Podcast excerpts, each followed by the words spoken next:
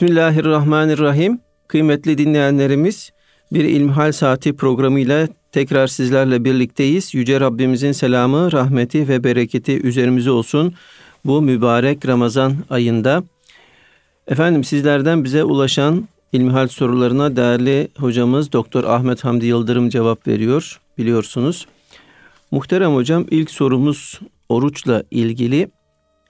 Bir dinleyicimiz şöyle bize yazmış. Üzerime ilk orucun farz olduğu yıllarda babam daha küçüksün, tutarsın ileride dedi ve babamın bu sözünü sorgulamadım.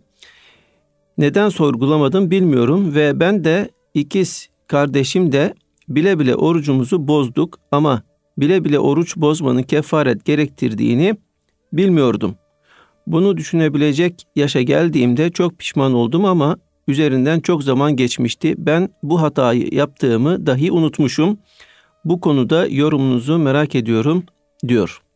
Buyurun efendim. Elhamdülillahi Rabbil alemin ve salatu ve selamu ala Resulina Muhammedin ve ala alihi ve sahbihi ecmain. Cenab-ı Allah tuttuğumuz oruçları, yaptığımız ibadetleri öncelikli olarak kabul etsin diye Cenab-ı Rabbül Alemine duada ve niyazda bulunuruz. Elbette oruç tutmak önemli, ibadet yapmak önemli, namaz kılmak önemli. Ama en önemlisi onların kabule şayan olması, Cenab-ı Allah nezdinde makbul olmasıdır. Bizler eksiğiyle, gediğiyle, kusuruyla, bin bir sıkıntısıyla yaptığımız ibadetleri Cenab-ı Allah inşallah fazlıyla, keremiyle, ihsanıyla tas tamam olarak kabul eder. Kıyamet gününde de bu mu kıldığınız namaz, bu mu tuttuğunuz oruç diye yüzümüze bir paçavra gibi çarpılmaz ibadetlerimiz. İbadet yapabilmek insana Cenab-ı Allah'ın büyük bir lütfu ve ikramıdır. Allah biz insanları kendisine kulluk yapmamız için yaratmıştır. Madem ki öyle, bizim kulluk vazifemizi kusursuz yerine getirmeye gayret etmemiz gerekir. Kulluk vazifemiz doğuştan itibaren başlar çünkü bir kul olarak doğuyoruz. Ama akıl ve bülü ile beraber kesinlik kazanır. Artık bir insan aklı başına erdiğinde ve bülü çağına ulaştığında ibadetlerle yükümlü hale gelir. O güne kadar yaptıkları, ettikleri bir nafile olarak yazılırken bundan sonra yapacak edecekleri farz olarak bir zorunluluk olarak yazılır. Yapamayıp edemediklerinin de hesabını vermesi gerekir. Bilinçli bir Müslüman çocuklarının bülü çağını kontrol eder. Bülü çağına erdiklerini, akıllarının başlarına geldiğini gördüğünde çocuklarını bir kenara çeker. Evladım der, bugüne kadar ibadetlerimizi, Cenab-ı Allah'a karşı vazifelerimizi nafile olarak yapıyorduk. Efendim bundan sonra artık mecburiyet arz etmiştir. Bundan sonra namazlarınıza, oruçlarınıza, ibadetlerinize dikkat edeceksiniz. Şöyle şöyle yapmanız gerekir, şu hususlara dikkat etmeniz gerekir diye tembihatta bulunacak. Eğer kız çocuğuysa burada annelere vazife düşüyor. Erkek evladı ise babalara vazife düşüyor. Bülü nedir? Nasıl bülüğa ulaşılır? gibi meseleleri çocuklarıyla beraber uygun bir lisanı hal ile müzakere edecekler. İbadet hayatlarının ehemmiyetini ve ciddiyetini onlara kavratacaklar. Elbette bu bir günün işi değildir. Bundan dolayı Efendimiz Aleyhisselatü Vesselam 7 yaşına geldiğinde çocuklarınıza namazı emrediniz buyuruyor. 7 yaş hem e, namazın hem orucun çocuklara alıştırıldığı bir vakittir, dönemdir. 7 yaşından sonra çocuklar artık yavaş yavaş iyiyi kötüden ayırmaya başlarlar, idrak ederler. Akılları belli bir olgunluğa ulaşır. Binaenaleyh oruç mükellefiyetinde de efendim e, günün tamamını tutamıyorsa olabilir ki yazın uzun dönemlerine denk gelir.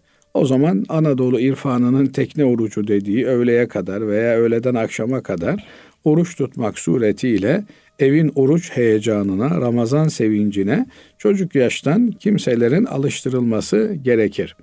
Ama maalesef bazı ana babalarımız çocukları ergenlik çağına erdiği halde hala onları bebek gibi görmeye devam etmekte. Sen oruç tutamazsın, aman senin okulun var, aman senin imtihanın var, aman şuyun var, aman buyun var diye öncelikli meselemiz kulluk olmasına rağmen bir takım dünyevi meseleleri öne alabilmekte. Çocuklar o çocukluğun verdiği pak fıtratla, temiz yaratılışla oruç tuttukları halde anneler babalar onların oruçlarını bozdurabilmektedirler. Elbette her çocuğun durumu aynı değildir. Gerektiği yerde müdahale edilmesi gerekir. 7 yaşında 8 yaşında çocuk alışmadığı bir günlük bir oruca yekten yani tek seferde e, başlamaya çalışırsa sıkıntı olabilir. Ama 13-14 yaşına gelmiş artık bugüne kadar 4-5 Ramazan geçirmiş, oruç tutmaya alışmış olması gereken bir çocuk bülü çağına erdiği halde eğer annesi babası tarafından orucu bozduruluyorsa burada büyük bir cinayet söz konusudur. Cinayetten kastımız yani dine karşı o çocuğun inanç dünyasına karşı işlenmiş büyük vahim bir suç söz konusudur. Elbette burada e, o çağdaki bir çocuğun ne yapıyorsun baba? Ben ibadete başladım, oruca başladım. Ben bunu tutmadığım zaman kefareti var türünden bir şey söylenmesi beklenmez. Ama bu noktada da çocuklarımızı bilinçlendirmemiz gerekiyor, öğretmemiz gerekiyor. Nihayetinde ve la teziru vaziratun vizra uhra diyor ayeti kerime. Yani kimse kimsenin günahını yüklenmiyor. Kıyamet gününde herkes kendi yüküyle geliyor. Herkes kendi cehenneminin odununu sırtında taşıyarak geliyor. Kimse kimse adına bir yük yüklenmiyor, bir odun taşımıyor, bir sorumluluk, bir mesuliyet taşımıyor. Evet anneler babalar çocuklarının mesuliyetlerini taşıyorlar ama çocuklardan bağımsız olarak taşıyorlar. Yani çocuk namaz kılmadığında çocuklara namaz kıldırmadıkları için bir mesuliyet taşıyorlar. Yoksa çocuğun günahı yok, bunun bütün günahı babaya aittir, anneye aittir anlamında bir mesuliyet söz konusu değil. Elbette anneler babalar çocuklarının ibadet hayatlarından hesaba çekilecekler. Ama onların hesaba çekilmeleri çocukların bu hesaptan kurtulacağı anlamına gelmez. Dolayısıyla babaları bir yanlış yapmış. Bu kardeşlerimize oruç mükellefi olmalarına rağmen, oruca niyet etmelerine rağmen, günün belli bir saatine kadar oruç tutmuş olmalarına rağmen ondan sonra oruç bozmalarını telkin etmiş, oruçlarını bozdurmuş. Her ne gerekçeyle olursa olsun eğer bir sağlık gerekçesi söz konusu değilse, eğer oruç bozmayı haklı kılacak veya meşru kılacak bir mazeret söz konusu değilse babasının yapmış olduğu bu eyleme binaen çocuğun oruç bozması bildiğimiz bilerek kasten Ramazan ayında oruç bozma eylemini, suçunu teşkil eder ki bunun cezası kefaret tutmaktır. Kefaret nedir? Yaptığımız bir günahın telafisi olmak üzere Cenab-ı Allah'ın bizleri yükümlü kıldığı bir ibadettir. Bu e, Kur'an-ı Kerim'de ifade edilir. Bugünkü şartlarda bu kardeşimizin yapması gereken gücü yetiyorsa iki ay peş peşe oruç tutmaktır. Eğer iki ay peş peşe oruç tutmaya gücü yetmiyorsa o zaman e, her bir günü için yani iki ay 60 gün her bir günü için bir fakiri sabah akşam doyurmaktır ki bu Diyanetimizin Ramazan-ı Şerif yaklaştığında ilan ettiği fidye miktarıdır. İşte bugün için fidye miktarı 70 e, lira, 100 lira neyse her bir gün için bu meblağı ödemek suretiyle 60 tane fakire bu e, tasaddukta bulunmak suretiyle kefaretini yerine getirmiş olur.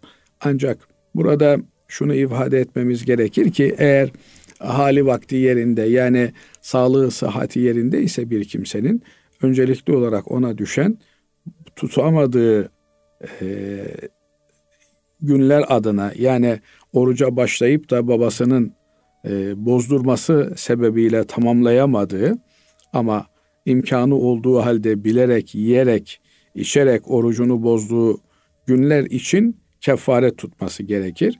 Şu kadar var ki geriye dönük bir kefaret tutmak suretiyle bu e, oruçlarını bozmuş olmanın e, kefaretini ödemiş olur. Söz gelimi Bu kardeşimiz işte 14 yaşındayken oruç tutması gerekiyordu. Babası 10. günden sonra artık çok oldu sen zayıf düşüyorsun, bir hitap düşüyorsun, tutamazsın, senin derslerin aksıyor, bak dikkatin dağılıyor gibi eften püften sebeplerle e, o senenin 20 gün orucunu tutturmadı. Buradan e, 20 gün bir oruç birikti. Bunların içerisinde birkaç tanesini belki başladığı halde bozdurdu. Onlar için kefaretler oluşmuş oldu. Fakat geçmiş yıllara dönük olarak bir kefaret geçmiş yılların günahını örtmeye yeterli olur inşallah. Dolayısıyla Ya Rabbi niyet eyledim. Geçmiş yıllarda başlayıp da kasten bozduğum böyle bir günahı işledim. Onun için af dilerim. E, rahmetine sığınırım. Bu günahım için, bu günahlarım için bir kefaret orucu tutmaya diye 60 gün peş peşe kesintisiz bir kefaret orucu tutar. Onun haricinde de her bir orucunu gününe gün kaza eder. Yani diyelim ki geçmiş yıllarda toplam böyle tutamadığı 30 gün orucu olmuş. O 30 gün orucunun bir kere kefaretini tutar 60 gün. Ondan sonra da 30 günü peyderpey e, tutar. Böylelikle açıklarını kapatır, eksiklerini tamamlar. Her bir Müslümanın da yanında bir e, borç defterinin bulunması gerekir. Bu borç defterinde kılamadığı namazlarını, tutamadığı oruçlarını, olur ya baygın düşmüştür, hastanede yoğun bakımda yatmıştır. O dönem içerisinde kılamadığı namazlarını not eder. Onları bir an önce kılmaya gayret eder. Kılınca kıldım diye karşısına işaret koyar. Borcumu tamamladım der. Tutamadığı oruçları için de aynısını yapar. Alacak verecek muhasebesini de burada yapar. Efendim yemin ettim filan zamanda yeminini bozdum henüz kefaretini ödemedim diye notunu tutar. Eğer kefaretini ödemişse kefareti ödendi diye de karşısına not geçer. Böylelikle her Müslümanın öldüğünde varisleri tarafından ele alınıp efendim babamızın, dedemizin, artık akrabamızın neyi ise şöyle şöyle borçları varmış diye görebilecekleri bir defteri yanında bulundurması ve onu kendisinden sonra onun işleriyle ilgilenecek varislere teslim edecek şekilde hazır bulundurması gerekir. Cenab-ı Allah ibadetlerimizi kabul buyursun. Kendi razı olduğu işleri yapmaya da bizleri muvaffak eylesin. Amin. Allah razı olsun kıymetli hocam. Efendim şimdi diğer bir sorumuz şöyle. Ben 23 yaşındayım ve Hanefi mezhebindenim. Dizimde menisküs iç yırtığı mevcuttur. Doktoruma namazı oturarak kılmayı sorduğumda 20 dakika 20 dakikayı aşmayacaksa kılmamın mümkün olduğunu söyledi. Fakat ben rahatsızlığımın ilerlemesinden korktuğum için ayaklarımı kıble yönüne uzatarak kılmaktayım. Sizce fıkhen doğru mu yapıyorum diye soruyor. Şimdi namazı Cenab-ı Allah ayakta kılmamızı emrediyor. Namazda kıyam namazın rükünlerinden bir tanesi. Namaza ayakta başlıyoruz. Ayakta tekbir getirerek başlıyoruz. Sonra Fatiha-i Şerife'yi ayakta okuyoruz. Peşinden Zamm-ı Sure'yi okuyoruz. Rükuya gidiyoruz, secdeye gidiyoruz. Namazın temel rükünleri bunlar. Ee, ama ayakta namaz kılamayan bir kimsenin namazını oturarak kılması lazım. Şimdi ayakta namaz, oturarak namaz ve ima ile kılınan namaz diye üç türlü namaz kılış şeklimiz var. Efendimiz Aleyhisselatü Vesselam bir hastayı ziyaret ettiğinde onun yattığı yerde secde etmek üzere başına bir minder yaklaştırdığını görünce o minderi bir kenara koy diyor. Ve namazla ilgili kılabiliyorsan ayakta kıl, kılamıyor isen oturarak kıl, oturarak da kılamıyor isen o zaman yanın üzerine efendim ima ile kıl diyor. Yan tarafı üzerine ister sağı üzerine olsun, ister solu üzerine olsun, isterse de sırt üzere yatarak namazını bir kimsenin kılması gerekiyor. Ayakta namazı biliyoruz. Oturarak namaz ayağa kalkamayan kimselerin oturdukları yerde rükû ve secde yaparak kıldıkları namazdır. Bir namazın namaz olabilmesi için ayakta veya oturarak namaz olabilmesi için secdeye alnımızı koyarak gitmemiz gerekir. Eğer secde biliyorsunuz namazın en temel rüknüdür. Secde yedi organ ile yapılır. Bu yedi organımız ellerimiz, ayaklarımız ve ayak dirseklerimiz altı tane, bir de başımız yedi tane. Vacip olarak da burnumuzu koymak suretiyle yere secdeyi yaparız. Eğer bir namazda böyle bir secde yapılıyorsa ayakta değil de oturarak kılındığında bu namaza oturarak kılınan namaz denir. Sandalyede kılınan namaz ise eğer secdeye gidilmiyor ise yani secdesi yoksa bu namaz oturarak kılınan bir namaz değildir. Bu namaz ima ile kılınan bir namazdır.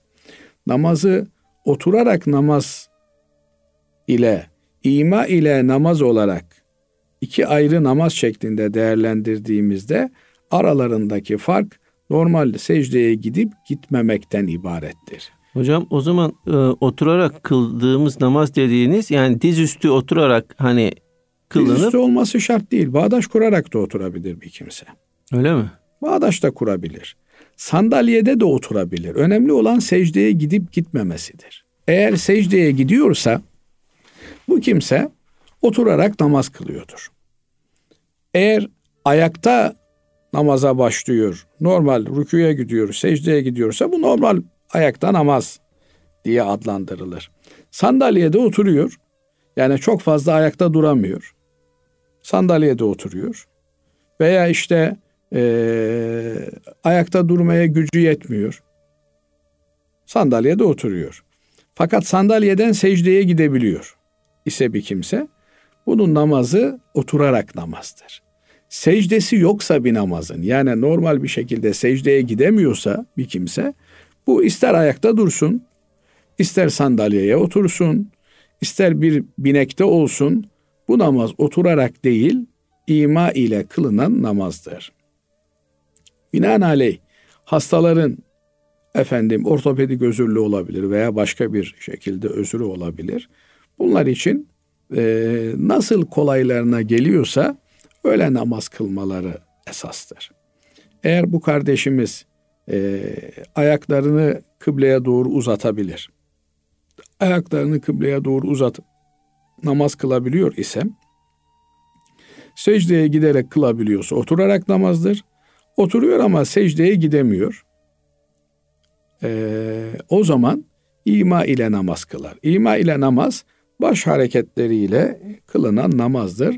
Rükû için biraz öne, secde için biraz daha öne başımızı eğmek suretiyle namazımızı kılmamız demektir. Burada kardeşimizin sorduğu herhalde soru ayağımı kıbleye doğru uzatıyorum. Bunun bir sakıncası var mı? Kitaplarımız der ki eğer yatarak namaz kılıyorsa bir kimse yani yatalak hasta e, yastıkta başını koymuş orada kılıyor. E, bunun sağ tarafına mı dönmesi, sol tarafına mı dönmesi uygun olan ayakları kıbleye yönelmiş bir şekilde yüzü kıbleye dönük olarak namazını kılmasıdır bu kardeşimizin. Eğer imkanı varsa ayaklarını biraz toplar. Böylelikle ayaklarını kıbleye karşı uzatmamış olur. Ama böyle yapması hem dizleri açısından hem e, sağlığı açısından uygun değilse o zaman uzatarak ayaklarını kıbleye doğru uzatarak namazını kılabilir. Burada bir zaruret olduğu için keyfe keder bir durum olmadığı için Hocam, sıkıntı olmaz. Buradaki esasında sorusu doktor 20 dakikaya kadar kılabilirsin demiş ayakta. Ama o diyor ki ben rahatsızlığımın ilerlemesinden korktuğum için bu şekilde yapıyorum. Yani burada tabi e, kişinin tecrübi bilgisi önemli. Doktor e, genelleme itibariyle o hastalarda 20 dakikaya kadar bir şey olmayacağı kanaatinden harekette bunu söylüyor ama eğer e, fiilen bu kardeşimiz bunu uyguladığında eğer bir ızdırap çekiyorsa burada da tabii e, şunu söyleme hakkımız olmaz. Kardeşim sen bunu yapabiliyor musun? Yapıyorsun. E yapıyorsan oradaki ağrıyı, sızıyı çekeceksin. Dayanılabilecek bir ağrı vardır, sızı vardır, dayanılamayacak olan vardır. Eğer bir insan namazdaki huşu, huzuru, Allah'la olan birliktelikte yaşadığı o haz ve heyecanı zedeleyecek bir ağrı, elem çekiyorsa o zaman ona sen bu ağrıyı çekeceksin, bu sızıya katlanacaksın diye bir telkinde bulunulmaz. Asıl olan insanın huzur içerisinde kalp huzuru ile ibadetlerini yapmasıdır. Eğer bu kardeşimiz tecrübe etmiş, tecrübesinden de böyle bir sonuç çıkmışsa o zaman namazını rahat ettiği bir şekilde kılması gerekir. Ama elbette ufak tefek ağrılar, sızılar olacak. Eğer bunlar e, ileride büyüyüp başına daha büyük bir sıkıntı açabilecek durumda değillerse e, bunlara da ibadetin tabii bir meşakkati, tabii bir zorluğu olması hasebiyle katlanmak gerekir. Yani elbette ibadetlerde tatlı bir telaş, tatlı bir meşakkat olacak. Ama insanın canını yakan, efendim kalp huzurunu bozan bir seviyeye geldi mi o zaman kişi kendi haline uygun olan pozisyona göre duruşunu belirleyecek ve namazına devam edecek. Allah razı olsun değerli hocam. Kıymetli dinleyenlerimiz şimdi kısa bir araya gidiyoruz. Aradan sonra kaldığımız yerden devam edeceğiz. Kıymetli dinleyenlerimiz İlmihal Saati programımıza kaldığımız yerden devam ediyoruz. Muhterem hocam dinleyicimiz şöyle bize yazmış. Bir hanım dinleyicimiz. Kıymetli hocam tesettürle ilgili videolarınızı izledim. Aklıma takılan iki nokta var. Birincisi dış kıyafet dediğimiz giysi dışarı çıkarken ve evde yabancı erkeklerin yanında giymemiz gereken ev giysisinin üstüne mi giyilmesi gerekiyor? Yazın pardesü ya da ferace içine kısa kollu tişört giydiğimizde olmuyor mu? Ya da bol ve dikkat çekici olmayan bir elbise tek olarak tesettür emrini sağlar mı? İkinci hususta özellikle spor yapmak için hanımlar arasında dar eşofman, tayt gibi kıyafetler sakıncalı olur mu? Evet. Yani tesettürün kelime anlamından hareket edecek olursak örtünmek, gizlenmek, saklanmak anlamına geliyor. Yani kendisini ortaya çıkartmaması anlamına geliyor. Bir kadın yabancı erkeklerin olduğu ortamda kendini gizlemek durumunda. Bunu nasıl dikkatlerden uzak bir şekilde kendini gizleyebiliyorsa, örtebiliyorsa öyle örtmesi gerekir. Burada örtünme ile ilgili temel kriterleri alimlerimiz veriyorlar. Bir tanesi vücudu baştan aşağı örtmesi gerekiyor. Diğeri efendim e, vücut hatlarını belli etmeyecek şekilde bol olması gerekiyor. Bir diğeri de vücudun içini e, deşifre etmeyecek şekilde, içini göstermeyecek şekilde kalın olması gerekiyor. Şeffaf kıyafetler olmaz deniliyor. Bu üç şartı yerine getirdikten sonra tesettürün ruhuna uygun olan bir şekilde kadınlarımız örtünmeliler. Mesele burada Allah kadın ve erkek iki cins yaratmış. Ve bu iki cinsi e, ancak meşru dairede birbirleriyle irtibatlandırmış. Bu meşru dairenin başında evlilik müessesesi geliyor. Evlilik müessesesinde karı koca arasındaki ilişkinin neredeyse e, yasaklı olan halleri bir elin parmaklarını geçmeyecek şeylerdir. Onun haricinde karı koca arasında tam bir serbestiyet söz konusudur. Bu ikinci nokta ise mahremler arasında sadece bakış açısından bir takım çünkü aynı evi paylaşıyorlar, aynı ortamı paylaşıyorlar. Dolayısıyla kadın e, babasıyla, abisiyle, kardeşiyle, efendim amcasıyla, e, dayısıyla aynı ortamda yabancı bir erkekle olduğu gibi pür tesettürle olması mümkün değil. Bu eşyanın tabiatına da e, ters bir durum olduğu için ayrıca Cenab-ı Allah kan bağı ile beraber efendim bir takım özel hususiyetleri de taşıtıyor. Bu durumlarda tesettür daha rahat bir hale gelmiş oluyor. Ama böyle bir kan bağı bulunmayan, mahremiyet bulunmayan kimselerle ilgili Cenab-ı Allah onlara karşı kadınların erkeklere, erkeklerin de kadınlara karşı hatta erkeklerin erkeklere, kadınların kadınlara karşı da bir noktada örtünmesini emrediyor. Bu e, insani ilişkilerin belli bir kıvamda devam etmesi için de gerekli olan bir mesele.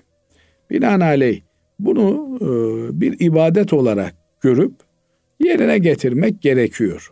Bunun üzerinden kurcalayıp da o olur mu, bu olur mu vesaire filan türünden şeylerle meseleyi e, hikmet boyutunun ötesine taşırmak doğru değil. Ne ile sağlanabiliyorsa bu, hava şartlarına, iklim şartlarına göre de elbette efendim soğuktan, sıcaktan koruyabilecek elbiselerle yapılabileceği gibi altını göstermediği sürece renk olarak da dikkat çekmediği bir e, renkle efendim vücut hatlarını belli etmeyen, bütün vücudu örten bir e, örtüyle kadın örtünür. Örtünmesi gerekir. Ev içerisinde mahremlerine karşı biraz daha bu serbesttir. Efendim elleri, kolları, başı, ayakları bunun dışındadır. Kadın kadına olduğunda da efendim diz kapağıyla göbek altı arası mahrem bölgedir. Bu bölgenin de yine e, tesettür kurallarına göre örtülmüş olması lazım. Yani kadın kadına diye efendim vücut hatlarını belli eden, vücudu gösteren bir kıyafetin olması caiz olmaz. Çünkü e, tesettür nerede gerekiyor ise orada kurallarına uygun olarak yapılması gerekir. Binaenaleyh e, kadınlar e, spor yapabilirler mi? Yapabilirler. Meşru olan sporları yaparlar.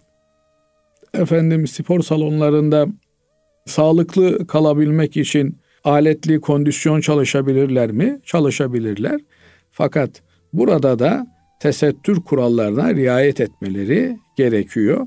Kadınlar arasında da efendim bu tesettürün e, olması gereken noktasında aynı kurallar çerçevesinde yapılması lazım gelir. E, bunun dışında e, kadın kadınayız artık biz anadan uruyan dolaşabiliriz türünden veya e, vücuda e, yapışmış olan elbiseleri giyebiliriz türünden bir e, düşünceye kapılmaları doğru değildir. Mahremiyet burada da geçerlidir. Buna da dikkat etmek gerekir. Evet, Allah razı olsun hocam. Efendim şimdi bir e, zekat sorusu var. Hocam diyor dinleyicimiz, geçen yıl Ocak ayında zekat verdim. Bu yıl yine Ocak ayında verecektim ama yine Ocak ayında altınlarla ev aldık. Şu an borçlu durumdayım. Zekatı vermem gerekiyor mu? Bilgi verebilirseniz çok sevinirim diye bitiriyor. Şimdi bu kardeşimizin sorusunda birincisi Ocak ayından Ocak ayına zekat vermek mükellefi olduğunu düşünüyor. Önce bunu bir tasih edelim. Zekat mükellefiyeti yıldan yıla evet doğrudur. Fakat kameri takvime göredir. Hicri takvime göredir. Miladi şemsi takvime göre değildir. Bugün ülkemizde resmi olarak kullanılan şemsi takvime, e, miladi takvime göre değildir. Binaenaleyh bu kardeşimizin önce burada bir düzeltme yapması gerekiyor. Bunun da en kolay yolu Ramazana veya kandillerden birine bağlanmasıdır. Aradaki farkı bir senelik kapatıp efendim Ramazan'ın birinden Ramazan'ın birine hesap edip veya Şaban'ın 15'inden Berat Kandili den Berat Kandili'ne hesap edip o gün itibariyle zekatımızı ayırmamız gerekir. Şimdi zekat e, mal varlığımızın tamamı üzerinden ödenen mali bir yükümlülüktür. Zekat vergi gibi değildir. Kardan, gelirden, elde edilen kazançtan ödenmiyor. Ticarete tabi olan, efendim e, değer kazanan e, para ve para cinsinden olan şeylerin yılda bir genel olarak zekatını vermekle mükellefiz. Eğer zirai tarım yapıyorsak veya hayvan besiciliği yapıyorsak o zaman onların farklı bir zekatları var.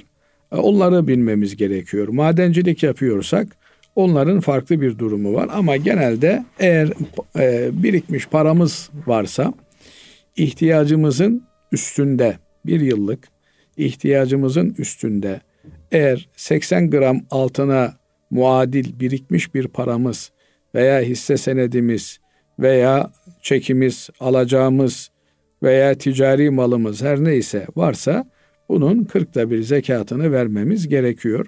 Bu kardeşimiz diyor ki ben diyor Ocak ayında ki Ocak ayı artık olmaması lazım. Ramazan ayında diyelim. Ramazan ayında zekatımı vermiştim. Ertesi yıl Ramazan ayı geldiğinde zekat vereceğim ama para yok. Para olmadığı gibi borçlu duruma düşmüşüm. Bu durumda ben zekat vermekle mükellef miyim? Değilim. Fakat burada borcun miktarı önemli tabi.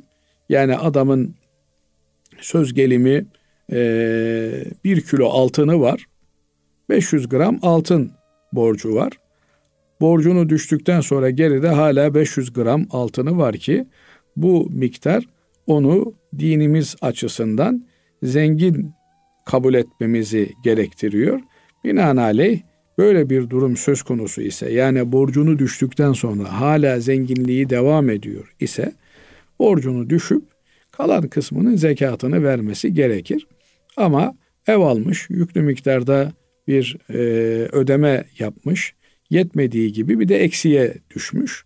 Bu durumda bu kardeşimiz zekat mükellefi olmadığı gibi eğer borcunu ödeyebilecek imkanları yoksa o zaman zekat alabilecek duruma bile geçmiş olabilir. Cenab-ı Allah tabi evdir, arabadır. Bunlar temel ihtiyaçlar. Bunların giderilmesi, karşılanması gerekiyor. Cenab-ı Allah borçlularımıza en kısa zamanda edalar nasip eylesin. İnşallah e, borçlarını bir an önce öderler. E, hocam şimdi yine zekatla ilgili e, biraz farklı bir soru var. Onu da e, hızlıca geçelim diyorum. Diyor ki dinleyicimiz bir buçuk milyon değerinde 2500 liraya kiraya verdiğim evim var. Aynı zamanda 200 bin lira borcum var. Arabam ve başka param yoktur. Zekat düşer mi diyor. Şimdi bu kardeşimizin bir buçuk milyon değerinde evi var. Bunu kiraya vermiş. Kira olarak da 2500 lira kira alıyorum diyor. Bu kardeşimizin kirada olan evine zekat düşmüyor. Ama almış olduğu kiradan kenara koyduklarının zekatı var.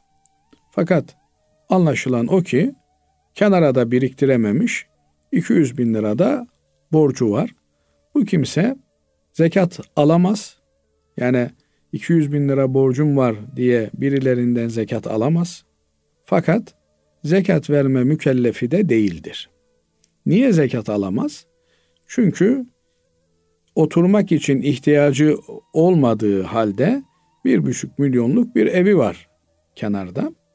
Binaenaleyh 200 bin lira borcu varsa da 1 milyon 300 bin lira hala fazlası var demektir.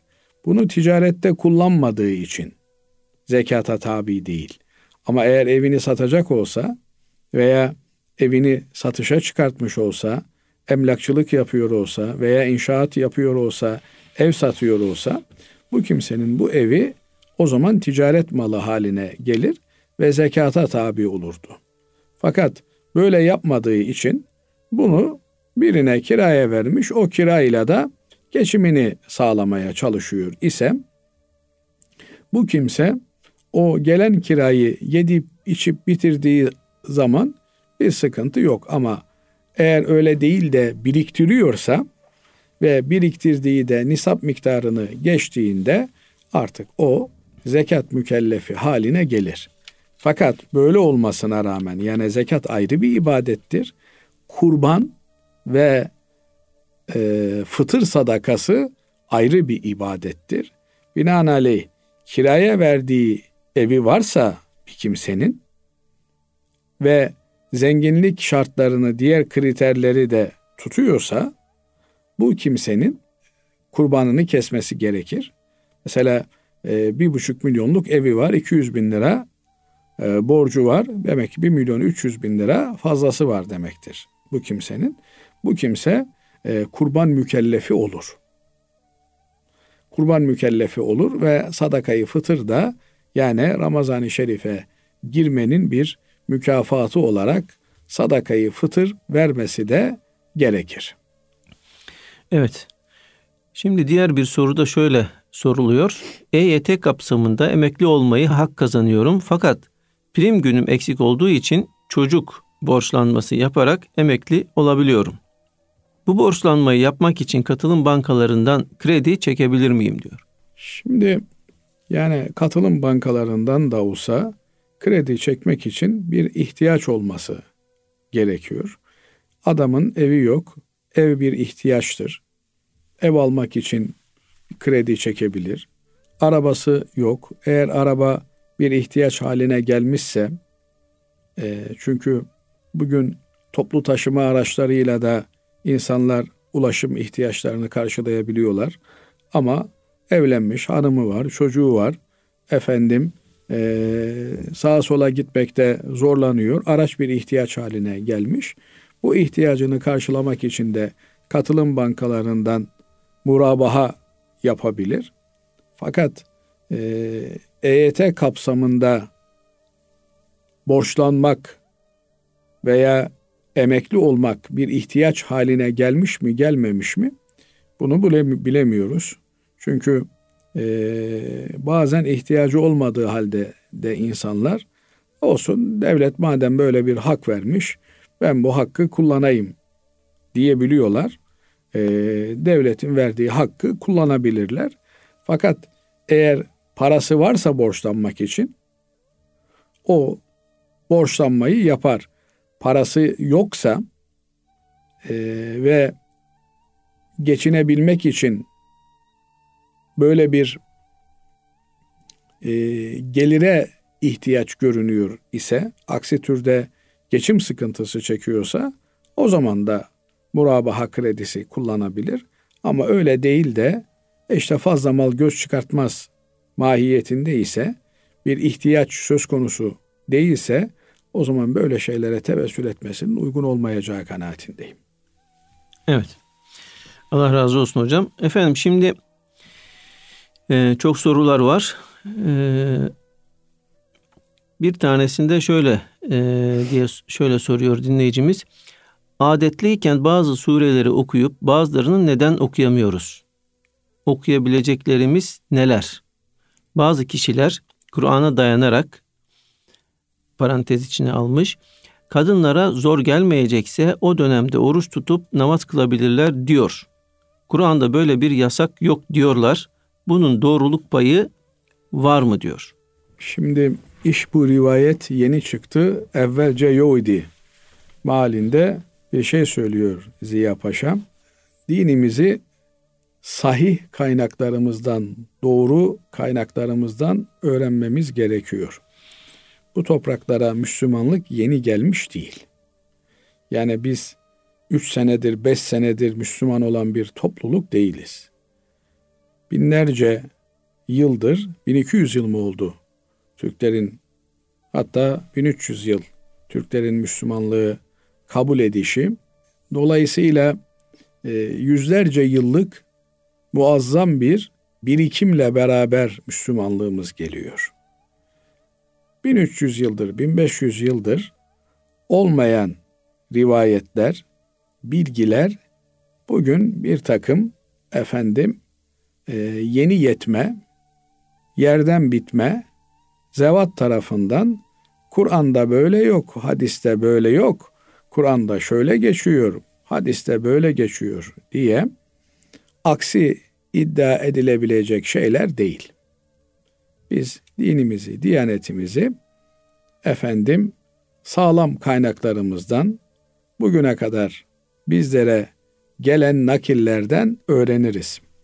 Şimdi biz dinimizi, diyanetimizi babalarımızdan, dedelerimizden nasıl gördükse öyle yaşarız, öyle biliriz deyince bugüne aklı evveler, e, yerden bitmeler diyorlar ki Kur'an-ı Kerim'de işte bak bunu söylüyor. Biz onlara bize tabi olun dediğimizde biz babalarımızın dinine tabi oluruz diyorlar. Evet millete ebiküm İbrahim atanız İbrahim'in dinine tabi olun diyor Cenab-ı Allah. Bu kardeşlerimizin karıştırdıkları müşriklere olan hitapla Müslümanlara olan hitabı aynı tutmalarıdır. Onların müşriklerin babaları da müşrikti ama bizim elhamdülillah babalarımız, dedelerimiz, dedelerimizin dedesi elhamdülillah Müslüman olarak geldikleri için biz onlardan gördüğümüz, bildiğimiz dinimizi yaşarız. Burada da bugüne kadar kimse özel durumlarındaki kadınların namaz kılabileceğini, oruç tutabileceğini söylememiştir. Aksine Hz. Peygamber aleyhissalatü vesselam Efendimizin hadislerine dayanarak bütün ümmeti Muhammed 15 asırdır özel durumlarındaki kadınların, adetli olan hanımların oruç tutamayacakları ve namaz kılamayacaklarını beyan ederler. Bu dinin çocuklarının da bildiği bir hakikat, bir gerçektir. Buna icma diyoruz biz. İcma ne demek? Müslümanların tamamının bir meseleyi benimsemesi, kabullenmesi demektir. Buradaki Müslümanların tamamından kastımız itibarı olan, muteber olan müştehit alimlerin bir meselede fikir birlikteliğinde olmalarıdır. Sahabe neslinde, sahabeden sonra gelen ikinci kuşakta, üçüncü kuşakta, dördüncü kuşakta günümüze kadar bu mesele böyle gelmişken günümüzde birilerinin ortaya çıkıp da yok ben Kur'an'da aradım bulamadım, yok ben hadiste baktım ikna olamadım türünden lafları bir Müslümanı asla bağlamaz. Niye? İcma demek bu mesele kapanmış demek. Bu meseleyle ilgili son söz söylenmiş demek. Artık bundan sonra birilerinin kalkıp da bunlarla ilgili ileri geri konuşmasına müsaade edilmez demek. Eğer öbür türlü olsa her meseleyle ilgili birilerinin her daim ortaya çıkıp da bir takım laflar söylemesi mümkün hale gelebilirdi. Bugün namazla ilgili, yarın oruçla ilgili, öbür gün Kur'an'la ilgili, beri gün haçla ilgili bu tür safsatalar olup giderdi.